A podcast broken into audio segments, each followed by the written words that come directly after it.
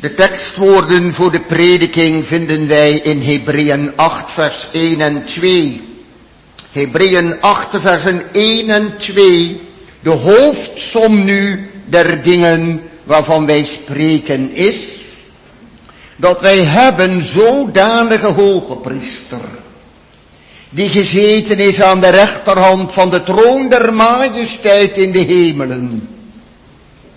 Een bedienaar van het heiligdom en van de ware tabernakel, welke de Heere heeft opgericht en geen mens. Gemeente, de hoofdsom. De hoofdsom, dat is gewoonlijk het grootste deel van een kapitaal.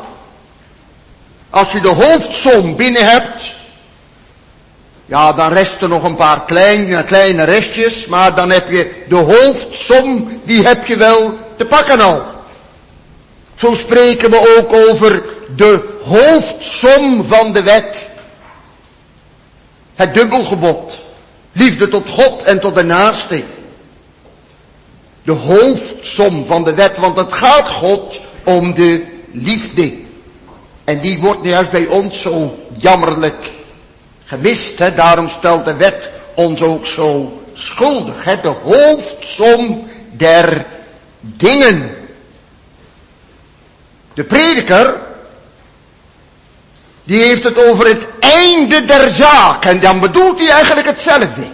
Het einde van de zaak is, vreest God en houdt zijn geboden. Het einde van de zaak, dat is eigenlijk zo'n beetje hetzelfde begrip als de hoofdsom.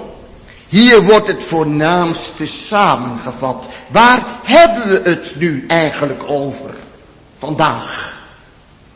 Op deze hemelvaartsdag. Wat is nou dan het belangrijkste dat we te melden hebben?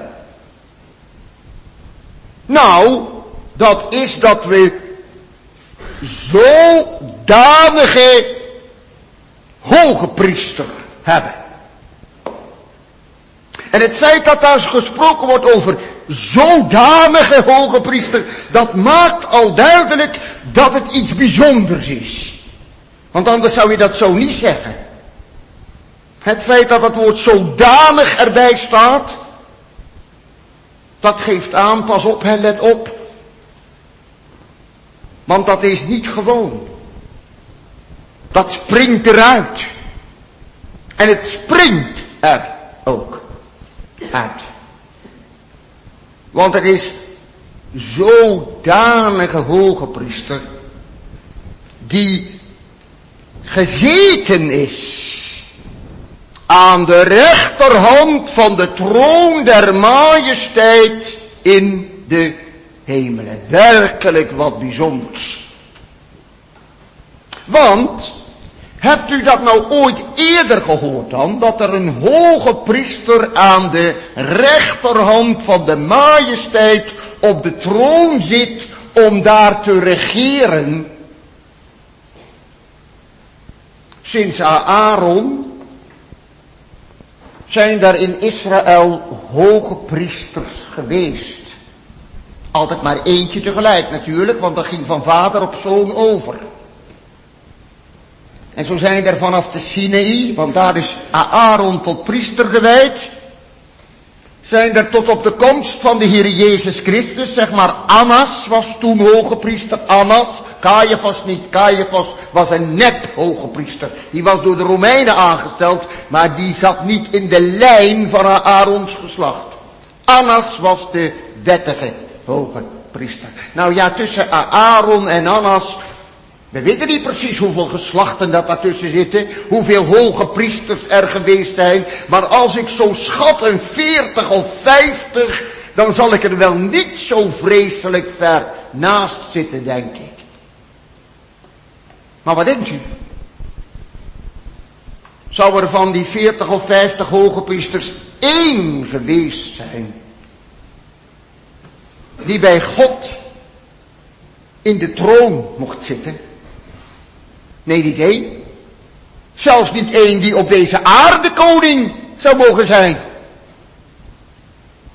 Want het priesterlijke ambt en het koninklijke ambt was strikt gescheiden. Het hele Oude Testament door. Strikt gescheiden.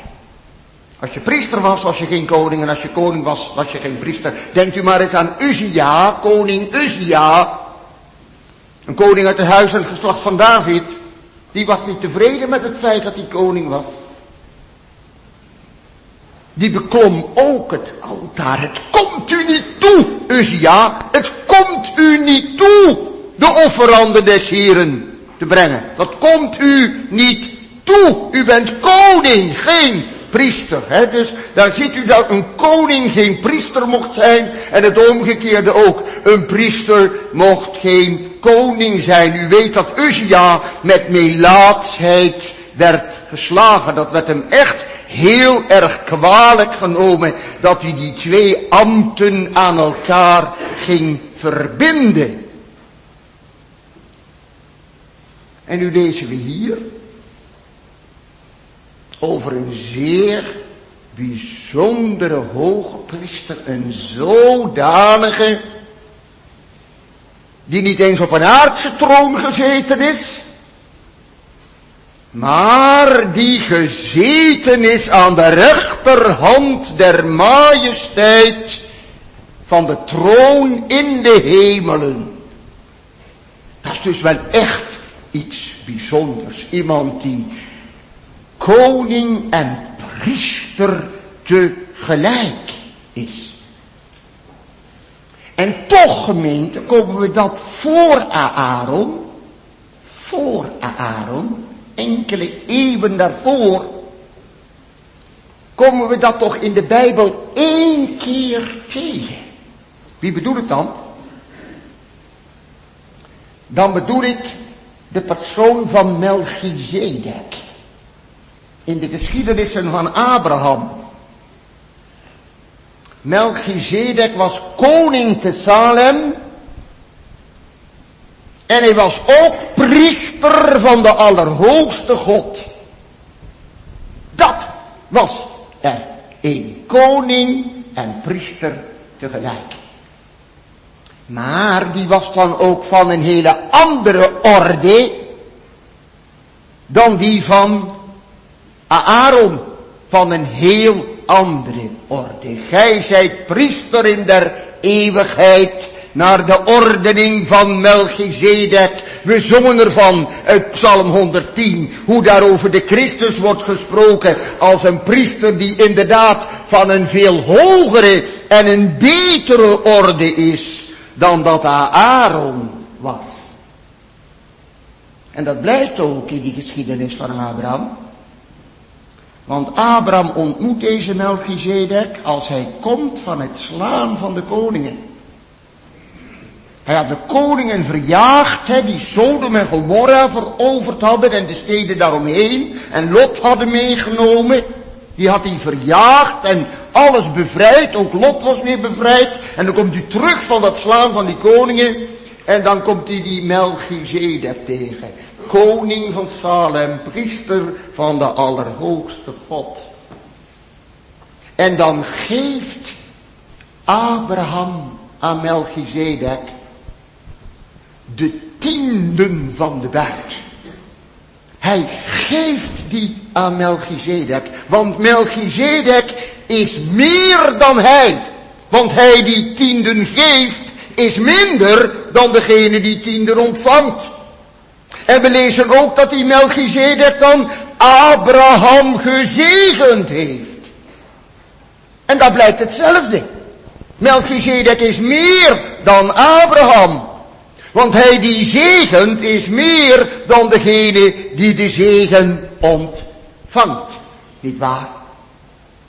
En dan zegt de Bijbel, Aaron, de stam van Levi, de priesterstam, die zaten nog in de lendenen van Abraham. En die hebben als het ware door de hand van Abraham die tienden gegeven en de zegen ontvangen. Zie je wel dat ook het geslacht van Aaron minder is dan die van Melchizedek. Dat is van een veel lagere orde.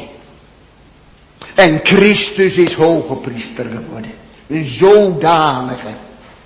Een hoge priester van die hoogste orde. Die ordening van Melchizedek. En daarom, net als Melchizedek, koning en priester tegelijk.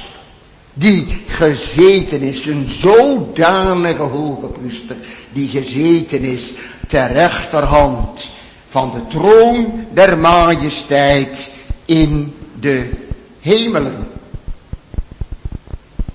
En daar regeert hij de hele wereld. Want hij is de rechterhand van de Vader. Hij is degene door wie de Vader alle dingen regeert. En daarom wordt er ook gezegd, door Jezus zelf, mij is gegeven alle macht. In hemel en op aarde. Laten we dat goed bedenken gemeente, dat hem gegeven is alle macht. Want wij beseffen vaak niet, wij beseffen vaak niet dat hij op de troon zit. Die koning uit het huis en geslacht van David. Want als ik u vraag, waar is dat nou dan, dat koningschap van David? Dan, dan, dan zegt u, nou dat weet ik niet. Dat is er volgens mij al lang niet meer. Dat is al sinds de ballingschap opgehouden. Wat opgehouden? Zei niet de engel Gabriel tegen Maria, ik zal hem de troon van zijn vader David geven en hij zal over het huis Israëls koning zijn tot in der eeuwigheid. Hij zit daar nog steeds te regeren. De troon van David die staat in de hemel. Die staat aan de rechterhand van de vader en daarop zit de zoon. Daarop zit de Heere Jezus Christus. En hij heeft dat boek genomen, hè. Dat boek dat op de rechterhand lag van hem die op de troon zit. En hij heeft dat boek niet alleen genomen, hij heeft ook de zegels daarvan gebroken. Hij heeft dat boek gelezen en hij brengt ten uitvoer wat erin staat tot de voleinding van de wereld toe. Ziet u wel dat aan het lam alle macht gegeven is in hemel en op aarde. Hij zit daar niet voor niets aan de rechterhand der majesteit. Hij zit daar niet maar wat te zitten. Hij zit, en dat heeft bij ons vaak iets van niets doen. Maar er is geen niets doen. Als een koning op de troon zit, dan is hij aan het regeren. We spreken ook over zittende ouderlingen, dat zijn de regeerders van de kerk. De dominees staan in de gemeente, maar de ouderlingen die zitten. Dat zijn de koningen van de kerk, de regeerders van de kerk. Ook zittende diakenen. En onze koning Willem-Alexander, die zit ook altijd als hij de troonrede leest. Straks in september is het weer zover. Waarom gaat die man nou eigenlijk niet staan? Maar omdat hij koning is. Hij is in de uitoefening van zijn ambt en dan zit je op de troon. Dat betekent niet dat je niks doet, maar dat betekent dat je juist aan het regeren bent. Zo is Christus daar de zittende aan de rechterhand van de Vader. Alle macht voert hij uit in hemel en op aarde. Maar met hem wordt het minst rekening gehouden, hè. Hij heeft alles voor het zeggen. Hij regeert alle dingen. Het is niet Poetin. Het is niet Biden. Het is niet de Chinese president. Het is niet onze regering die de touwtjes in handen hebben. Maar het is Christus die alle dingen regeert. Maar met hem die alles regeert wordt het minst op deze aarde gerekend. Want wij zien aan wat voor ogen is. En we zien veel te weinig naar die hemel toe, naar die troon daar van het huis en het geslacht van David. Daar zit hij, daar zit hij. En hij regeert zijn koninkrijk zal geen einde hebben. Dat hebben we net met Nicea nog beleden. Zijn koninkrijk zal geen einde hebben. Hij is gezeten ter rechterhand van de majesteit van de troon in de hemelen. Maar, hij is ook in de hemel nog steeds hoge priester. We denken misschien wel dat hij, ja, dat is hij op deze aarde geweest. Toen hij zijn offeranden bracht aan het kruis. Toen was hij onze hoge priester. En dat is ook zeker waar gemeente, dat is hij op de aarde geweest. Maar dat is hij nog steeds hoor. Hoge priester, leest u maar. Bedienaar is die. Een bedienaar van het heiligdom. En van de ware tabernakel welke de Heere heeft opgericht en geen mens. Dus hij is koning in het regeren. Hij is hoge priester in het bedienen. En daar staat er voor dat woord bedienen een woord dat u allemaal kent. Een Grieks woord dat u allemaal kent. Want u kent ook best een woordje Grieks. Daar staat het woordje leiturgos. Leiturgos. Liturg. Liturg. U weet allemaal wat een liturgie is. Dat is een orde van dienst. Hè? Dat is de orde van de kerkendienst, van de eredienst. Dat is de liturgie van vanmorgen en van vanmiddag. En de liturgie die staat op, op het bord. En die wordt aan de kosten doorgegeven door de predikant. En die liturg, ja dat is degene die de dienst leidt. En zo is de Heer Jezus nou in de hemel de leider van de priesterdienst, van de liturgie bij de hemelse vader. Hij heeft daar de leiding van. Hij is de bedienaar, de liturg, de liturg van het heiligdom daarboven.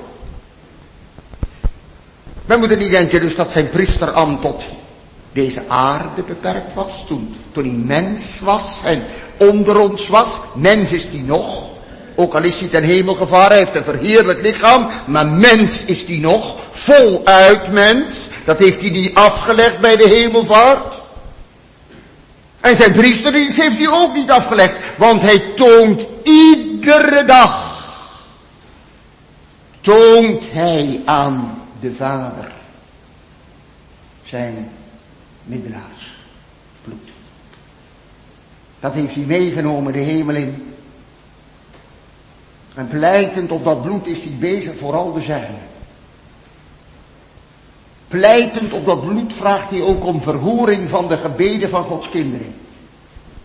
Want hoe kunnen die verhoord worden? Ja, die kunnen niet verhoord worden als, als dat van ons afhangt. Hè? Want wij zijn zondige mensen, ons, ons bidden is niet perfect, is niet volmaakt is het niet waardig om gehoord te worden. Wij zijn zelf niet volmaakt en niet waardig om gehoord te worden. Als zijn voorspraak er niet bij kwam, niet tussen kwam, dan zou er geen enkel gebed van het beste kind van God verhoord kunnen worden. Geen enkel. Hij toont dan zijn middelaarsbloed en doet verzoening over alle gebreken die aan ons en aan ons bidden kleven. En zo is er verhoring bij God. Hè? Dat doet hij onder anderen in de hemel. Beden en pleiten. Zo is hij altijd bezig bij zijn vader. En wat doet hij ook nog meer? Wel, hij zegent zijn kerk ook. U weet wel dat de Heer Jezus toen hij naar de hemel voer vanaf de olijfberg zijn handen heeft uitgebreid over zijn jongeren. En hij zegende hen. Hij is zegenend ten hemel gevaren. En wat dacht hij dat hij die armen nu teruggetrokken heeft? Dacht u dat? Dat hij dat gedaan heeft? Dat hij die armen heeft teruggetrokken? Nee, dat heeft hij zeer zeker niet. Die armen die heeft hij nog steeds uitgebreid over zijn kerk. En als u de zegen opgelegd krijgt aan het einde van een kerkdienst, ja, dat doet dan in zijn naam de predikant. In zijn naam. Want het is de Heere zegene u en hij behoeden. De Heere doet het. Ik kan u niet zeggen. Hij zegt. De Heere zegene u en hij behoede u. En zegenen, dat is ook een priesterlijke taak. U kent er allemaal wel het voorbeeld van, van Zacharias, de vader van Johannes de Doper. Toen hij, toen hij het reukoffer gebracht had.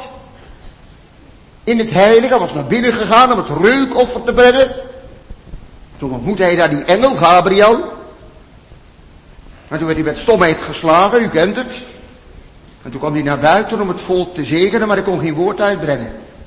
Alleen zijn handen maar uitbreiden, maar hij kon geen woord uitbrengen. Maar dan ziet u het, de priester komt naar buiten nadat hij het offer heeft gebracht. Wat komt hij dan doen als hij naar buiten komt? Dan komt hij het volk zegenen. En zo is het met de Heer Jezus ook, hè. Nadat hij het offer van de verzoening op Golgotha gebracht heeft, is hij zegenend heen gevaren naar de hemel. En daar houdt hij nog altijd zijn armen wijd uitgestrekt over zijn kerk. Ziet u wel dat hij nog steeds in de bediening is. Hij regeert alle dingen, want hij zit aan de rechterhand.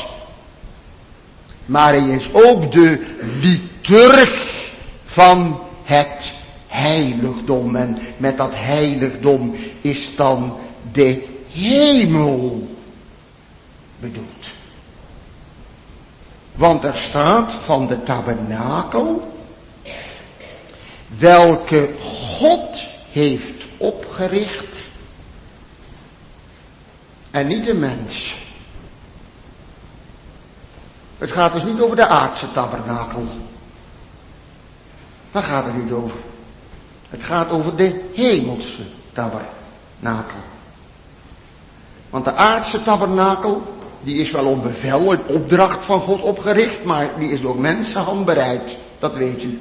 Bezaliel en Aholiab, dat waren de twee mannen die door Mozes werden aangesteld, bediend door de geest waren ze, om het werk van het heiligdom klaar te maken. Zijn, daarvoor zijn ze een jaar bij de Sinai gebleven.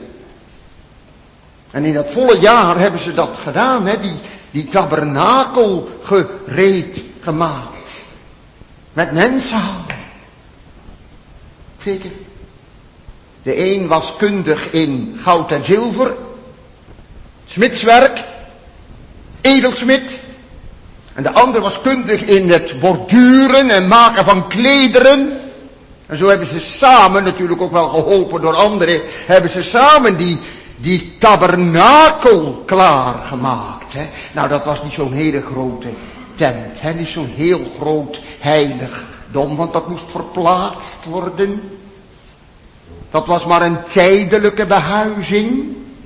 Die moest iedere keer weer worden opgetild en dan moest alles weer worden ingepakt en verzet naar de volgende plaats waar de wolkolom de Israëlieten bracht. En dan werd het weer opgezet totdat de wolkolom zich weer ophief en dan ging het weer verder. Een verplaatsbare woning, echt mensenwerk. Ja, dat was het. En uiteindelijk is die tabernakel, die heeft er gestaan te Gibeon tot de dagen van David. En toen was de ark al weg. Die was al naar Jeruzalem toe. U weet wel, die is het land van de Filistijnen geweest. U kent die geschiedenis ongetwijfeld. En toen is de tabernakel verdwenen. Toen is er de tempel voor in de plaats gekomen.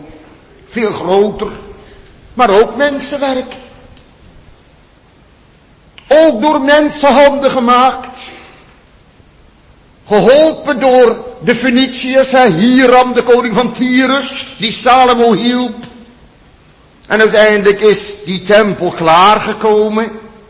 Heeft er gestaan tot aan de ballingschap, toen verwoest en toen weer een nieuwe gebouwd. En die is in 70 na Christus weer verwoest. En na die tijd is er geen tabernakel en ook geen tempel meer geweest. Allemaal mensenwerk. Zoals Paulus dat ook zegt van ons lichaam. Hij zegt dat is een een tent, een behuizing met handen gemaakt, maar straks in de hemel zul je krijgen een gebouw van God. Niet met handen gemaakt, maar eeuwig in de hemel. Dus je vergelijkt het bestaan hier ook met iets van mensenhanden.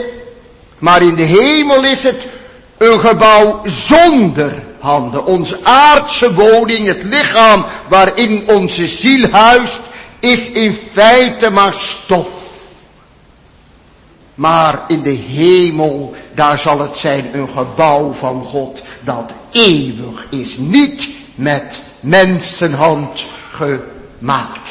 En zo is het met de tabernakel en met de tempel ook gemeente. Nou die tabernakel en die tempel, die is dus hier niet bedoeld. Het is hier bedoeld de tabernakel die boven is. En daar is Jezus ingegaan en daar is hij bedienaar van dat heiligdom dat God heeft opgericht. En geen mensen. Heiligdom dat in de hemel is. En gemeente, de Heer Jezus is in de aardse tempel zelfs nooit geweest. Wat zegt u me nou, dominee? Is Jezus nooit in de tempel geweest?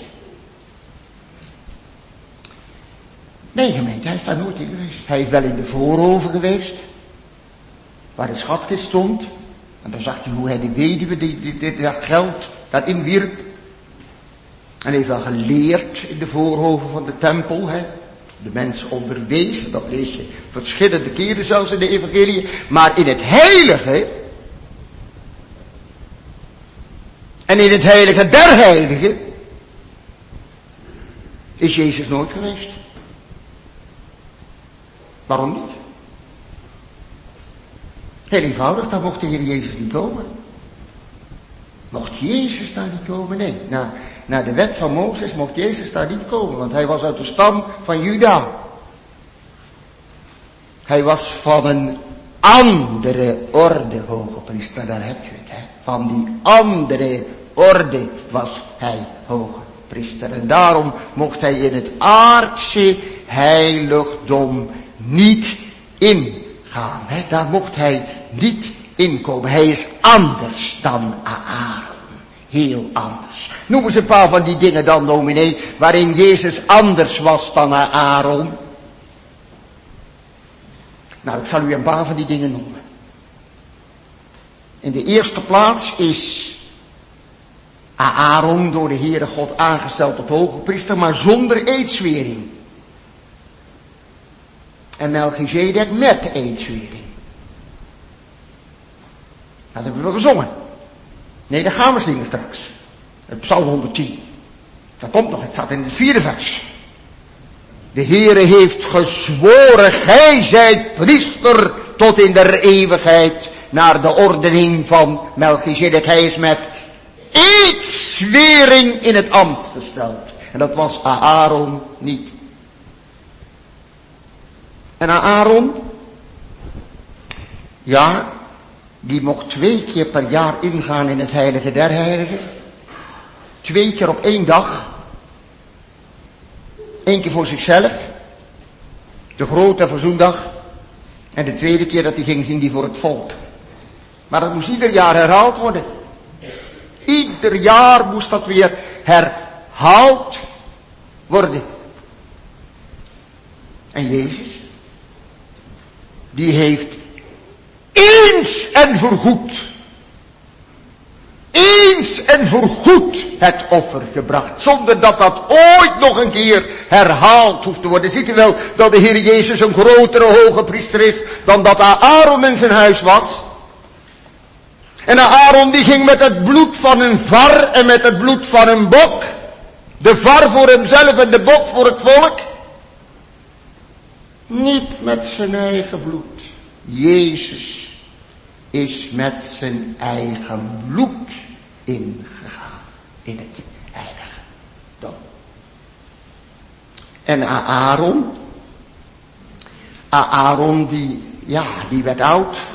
Hij moest op een gegeven moment zijn ambt overlaten aan zijn zoon, Eleazar. En daarna aan Pinias, en zo is dat verder gegaan tot aan Annas toe. Ze werden door de dood verhinderd om altijd te blijven. Altijd hoge priester te blijven. En Christus is een eeuwige hoge priester. Die altijd blijven zal. Die hoeft zijn ingaan in het heiligdom nooit te herhalen. En Aaron, om het nog iets te noemen, Aaron die ging in het aardse heiligdom binnen. Die tabernakel die met handen was gemaakt. En Jezus is door het voorhangsel van de hemel getrokken, door de hemelen doorgegaan, om daar met zijn bloed te verschijnen bij zijn hemelse vader. Hè? Ziet u het grote verschil tussen de hoge priesters van het Oude Testament en, en die hoge priester naar de ordening van die Melchizedek uit die vroege tijd van Abraham. Ziet u dat verschil? Dat Jezus de oud-testamentische hoge priesters verre, verre overtreft. En Jezus, waarmee heeft hij nou offeranden gedaan? Iedere priester in het oude verbond, ook de gewone priesters, niet alleen de hoge priesters, maar ook de gewone priesters, die moesten natuurlijk wel wat hebben om te offeren.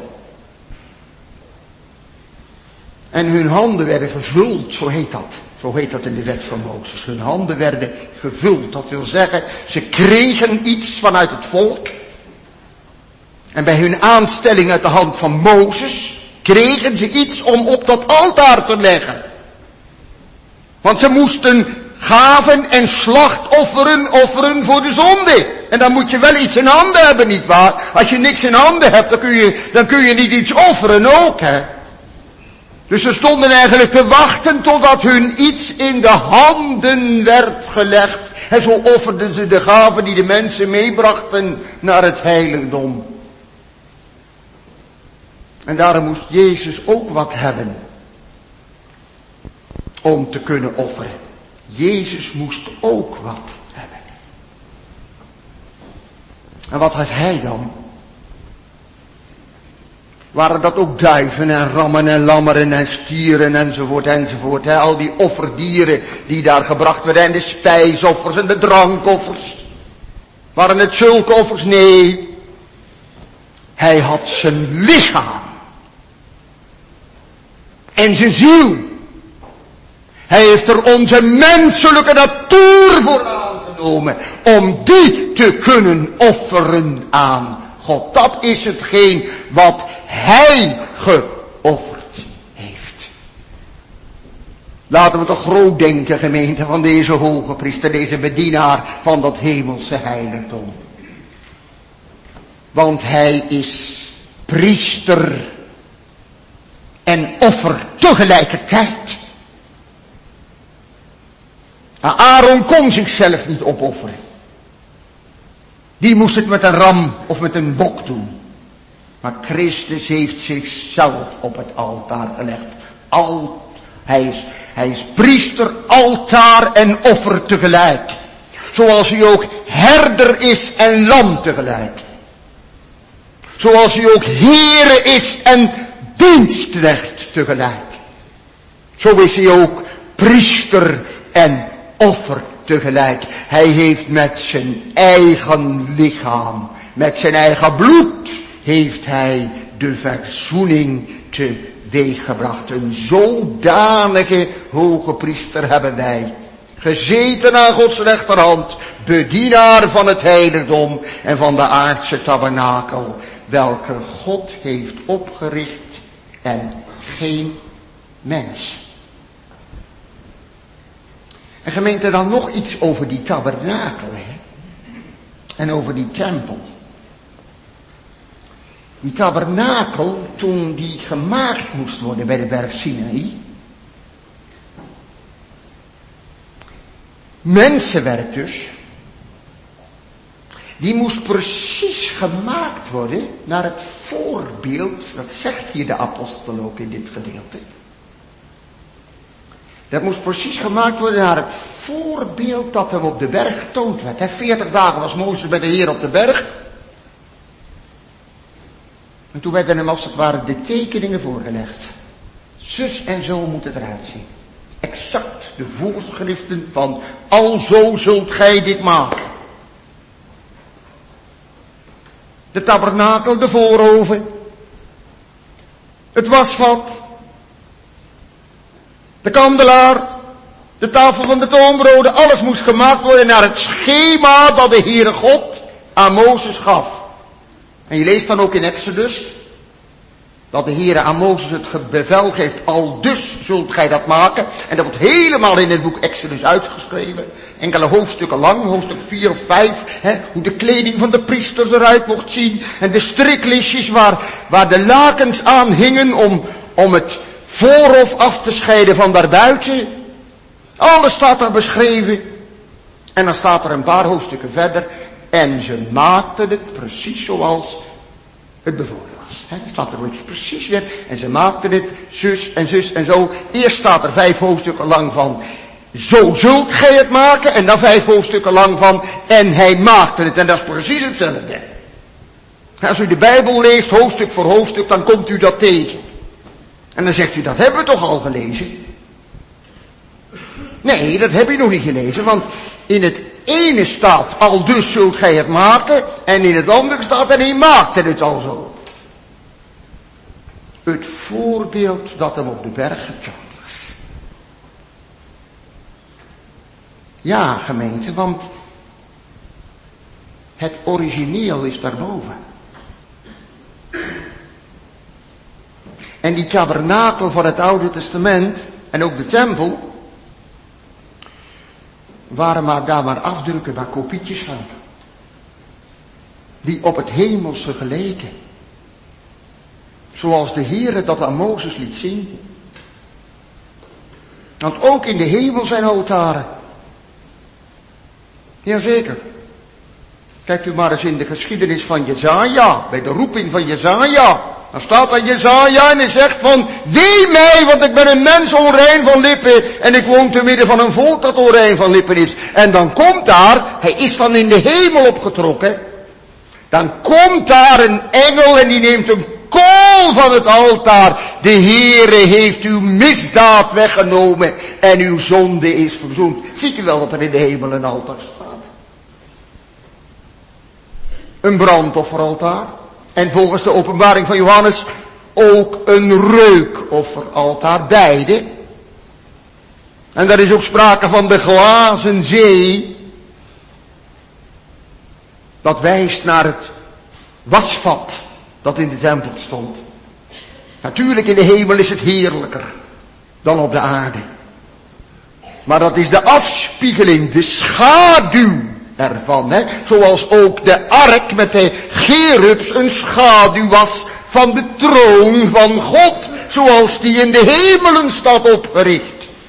Afschaduwen. Je zult het maken naar het voorbeeld dat u op de berg getoond is. En zo is het dus gemaakt, maar de Heer Jezus is niet in die aardse tabernakel ingegaan. Maar hij is in de hemelse tabernakel verschenen. Hemelvaartsdag. Toen hij afvoer, wegvoer van zijn discipelen vandaan. En de wolk nam hem weg. Toen ging hij die tabernakel in het origineel. De ware tabernakel, de echte. De aardse tabernakel was slechts een, een afbeelding daarvan en niet meer dan dat. Natuurlijk, dat had zijn waarde en zijn betekenis. Dat wees wel naar Christus, zeker waar. We moeten niet zeggen dat die tabernakel waardeloos was, maar hij is niet te vergelijken met het origineel. Het origineel, dat is daar boven bij God. Het ware heiligdom. Hij is een bedienaar van dat heiligdom. Daar is hij de grote liturg, Daar is hij binnengegaan met zijn middelaarsbloed om dat aan de Vader te vertonen. Daar is hij nu in de tempel daarboven. Straks zal die tabernakel gods bij de mensen komen. Dat lees aan het einde van de openbaring van Johannes. Maar nu is die tabernakel nog ginds in de hemel. Waar hij zit aan de rechterhand van zijn vader. En bedienaar is van dat heiligdom dat daar boven is. Daar staan de altaren. Daar staat het wasvat.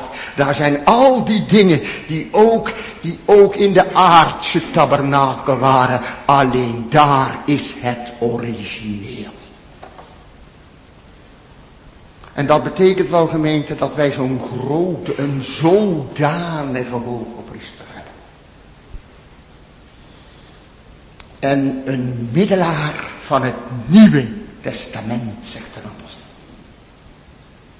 Voortreffelijker dan wie anders ook. En beseft u nou iets dan van het voorrecht dat wij onder die bedeling mogen leven. Wij leven niet onder de oude bedeling van tabernakel en tempel. We hoeven niet met de schaduwen te doen. Wij mogen onze blik richten naar het origineel. Daarboven, daar is hij. Daar is hij, in de echte, ware tabernakel die God heeft opgericht en geen mens. En daar heeft hij een zo voortreffelijker bediening gekregen. Veel voortreffelijker dan, dan dat in de aardse tabernakel en de tempel ooit is geweest. Die in zoveel betere beloftenissen is gewettigd, gevestigd, gegrond. In veel betere beloftenissen. En beseft u er nou iets van, beste mensen? Dat het zo'n geweldig voorrecht is onder het nieuwe verbond te mogen leven. Dat zoveel beter is dan het oude. Waar het heil zoveel duidelijker in schittert. En waar de Christus als middelaar nog zoveel heerlijker tevoorschijn komt dan in de schaduwen van de wet. Ons mag het evangelie worden gepredikt. Gewoon zoals het is. In al zijn volheid en in al zijn heerlijkheid mogen de beloften van het evangelie worden uitgestrooid onder de zondaren. Dat is toch heerlijk hè, dat we in zo'n tijd mogen leven. Beseft u dat? Dat we zo'n hoge priester hebben. Dat we die hebben. Een zodanige hebben. We hebben het niet alleen over hem, ja, we spreken erover, dat staat er, hè. De hoofdsom is, de hoofdsom is dat we, waarover, van de dingen waarover we het hebben, waarover we spreken, is dat we zo'n hoge priester hebben. We hebben het erover, ja, maar dat is niet genoeg hoor, dat, dat je het erover hebt. Je kunt het er alleen maar over hebben als je hem ook hebt. Erover hebben en hebben, dat is nog niet hetzelfde. Je moet hem hebben dat we een zodanige hoge priester hebben. Hebt u hem? Die hoge priester. En heb het er dan ook maar over. Ja, dat mag dan hoor. Als je hem hebt, dan mag je het ook over hem hebben. Dan mag je de hoofdsom van de dingen waarover wij spreken, dat mag je dan ook laten horen. Maar dan moet je hem wel hebben, die hoge priester. Als je persoonlijke borg, middelaar en zaligmaker. Zo wordt Jezus hier genoemd, hè, de medelaar, de middelaar in vers 6. Van een beter verbond is hij middelaar, het welk in betere beloftenissen gewettigd, bevestigd is. Een middelaar. Een middelaar, gemeente, is wat anders dan een bemiddelaar. Dan moeten we wel eventjes van elkaar onderscheiden. Kijk, een bemiddelaar is iemand die als twee partijen wat met elkaar hebben. Een conflict of zo. Een akkefietje. En je wordt erbij geroepen. Dan probeer je die twee partijen bij elkaar te brengen. Dat is een bemiddelaar. Een mediator noemen we dat tegenwoordig. Want tegenwoordig moet alles in het Engels worden uitgedrukt. Dat noemen we een mediator. Maar dat is wat anders dan een middelaar. Want de mediator betaalt nooit zelf het gelach. Die probeert wel die twee partijen met elkaar te verzoenen, maar de kosten daarvan, zullen we maar even zeggen. Ja, hij vangt er geld voor, dat wel, maar hij betaalt er zelf niks aan. Hè. Hij betaalt het verschil niet dat er tussen de twee partijen lag. En dat doet de middelaar wel. De middelaar zegt, reken het mij maar aan. Dat verschil. Die oneenigheid. Die ruzie tussen God en mens. Die ruzie die wij hebben veroorzaakt. Hij zegt, reken dat mij maar aan. Hij rekent er niets voor voor zijn middelaarswerk. Hij doet het gratis. Maar hij betaalt wel het gelag. Het hele gelag. Dat betaalt hij. Dat is een middelaar. En de middelaar is er maar één. Ja, Mozes wordt wel de middelaar van het Oude Testament genoemd, omdat hij zich ook voor het volk borg wilde stellen. Maar de Heere God zei, dat kan niet Mozes, dat kan niet. Hij wilde zich voor het volk borg stellen in de woestijn. Ga maar met dit volk verder en neem mij dan maar weg. Doe mij dan maar uit uw boek, zei Mozes. Hè. Hij bood het wel aan, maar, maar hij kon dat niet volbrengen, want de Heer accepteerde dat niet. Mozes kon geen middelaar zijn. Dat kon slechts één. En wij mogen leven onder dat verbond dat hij met zijn betere beloftenissen heeft gevestigd, gewettigd heeft. Heeft het verankerd als het ware. Daar mogen wij onder leven. En als je nou nog verloren gaat, lieve mensen. Levende onder dat verbond. Dan is het dubbel en dwarsje aan te. De Hebreeënbrief zegt dan ook, hè, hoe zullen wij dan nog ontvlieden als we op zo'n grote zaligheid geen acht slaan. Hè? Zoveel betere beloftenissen waarmee het verbond bevestigd is in het Nieuwe Testament, in de nieuwe bedeling van het verbond. Zoveel beter dan die oude. Omdat Hij is ingegaan in de tabernakel welke God heeft opgericht en geen mensen. Hij heeft daar een beter werk volbracht en hij doet dat nog. Daarom zijn er zulke kostbare, voortreffelijke beloften in het evangelie. En als je die nou niet acht, als je daar nou niet op let en je leeft eraan voorbij, nou dan kan je dat meer dan ooit worden aangerekend. Als u of jij dat veracht, en er geen gebruik van maakt. En die belofte voor kennisgeving aanneemt. Voor kennisgeving. Zonder toe-eigening van het hart. Ja, dan zal ik dag en nacht over u wenen. Dan bent u diep te beklagen, diep te vertreuren, want onze God is een verterend vuur, dat is hij ook. Hè. Dat is hij ook. Als we zijn beloftenissen, zijn kostbare beloften minachten en daaraan voorbij leven. Ja, dat is erg. Dat is verschrikkelijk erg. Hoe zul je dan ontvluchten, zegt een apostel. Hoe zul je dan, dan nog ontkomen? Dan blijft er geen slachtoffer meer over voor de zonde. Hè? Als dat bloed van Christus door jou onrein wordt geacht en voor waardeloos wordt versleten. Dan blijft er geen ander offer mogelijk en over voor de zonde. Dat is er dan niet meer. Dan houdt het op. Dan houdt het echt op. En daarom moeten wij u die Christus verkondigen. Die het verbond van God met zulke voortreffelijke beloften heeft voorzien. Die Christus moeten wij u verkondigen. Opdat u als mensen van het nieuwe verbond daar je zaligheid in gaat zoeken. Ja, dat moet je wel doen, lieve mensen. Dat moet je wel doen, niet onverschillig eraan voorbij leven. Niet denken van het komt wel een keer. Of het zal met mij automatisch wel goed komen. Daar is helemaal niks voor nodig. Daar heb je Christus voor nodig. Daar heb je die middelaar voor nodig. Die het gelach betaalt. Die zich in de bres heeft gesteld. Die heb je nodig.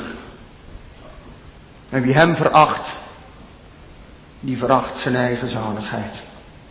Die moet niet denken dat hij er komt. Daar is de Bijbel duidelijk in.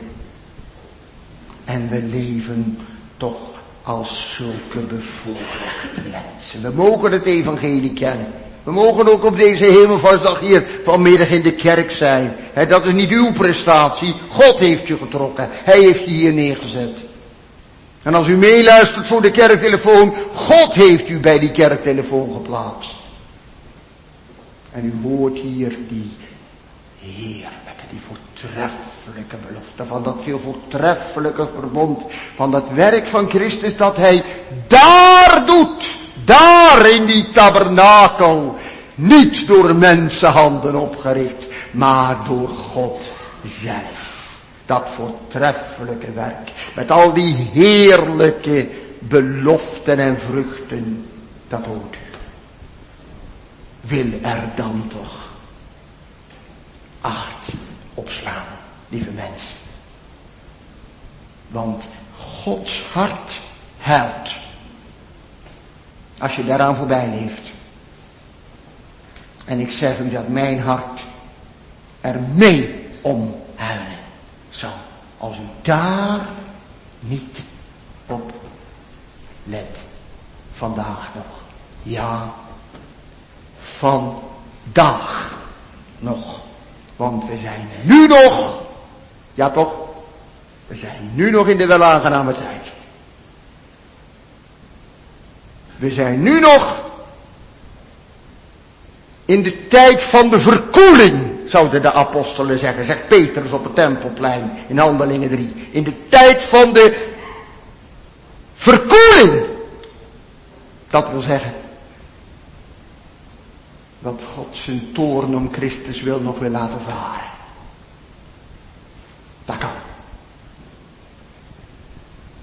Dat God je verkoeling schenkt in plaats van de hitte van zijn toorn. Dat kan.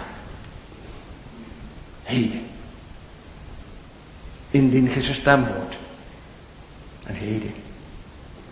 Dat is vandaag. Denk erom, hè. Je leeft in die bevoorrechte tijd van de nieuwe bedeling. Het evangelie gaat onverkort naar ons uit.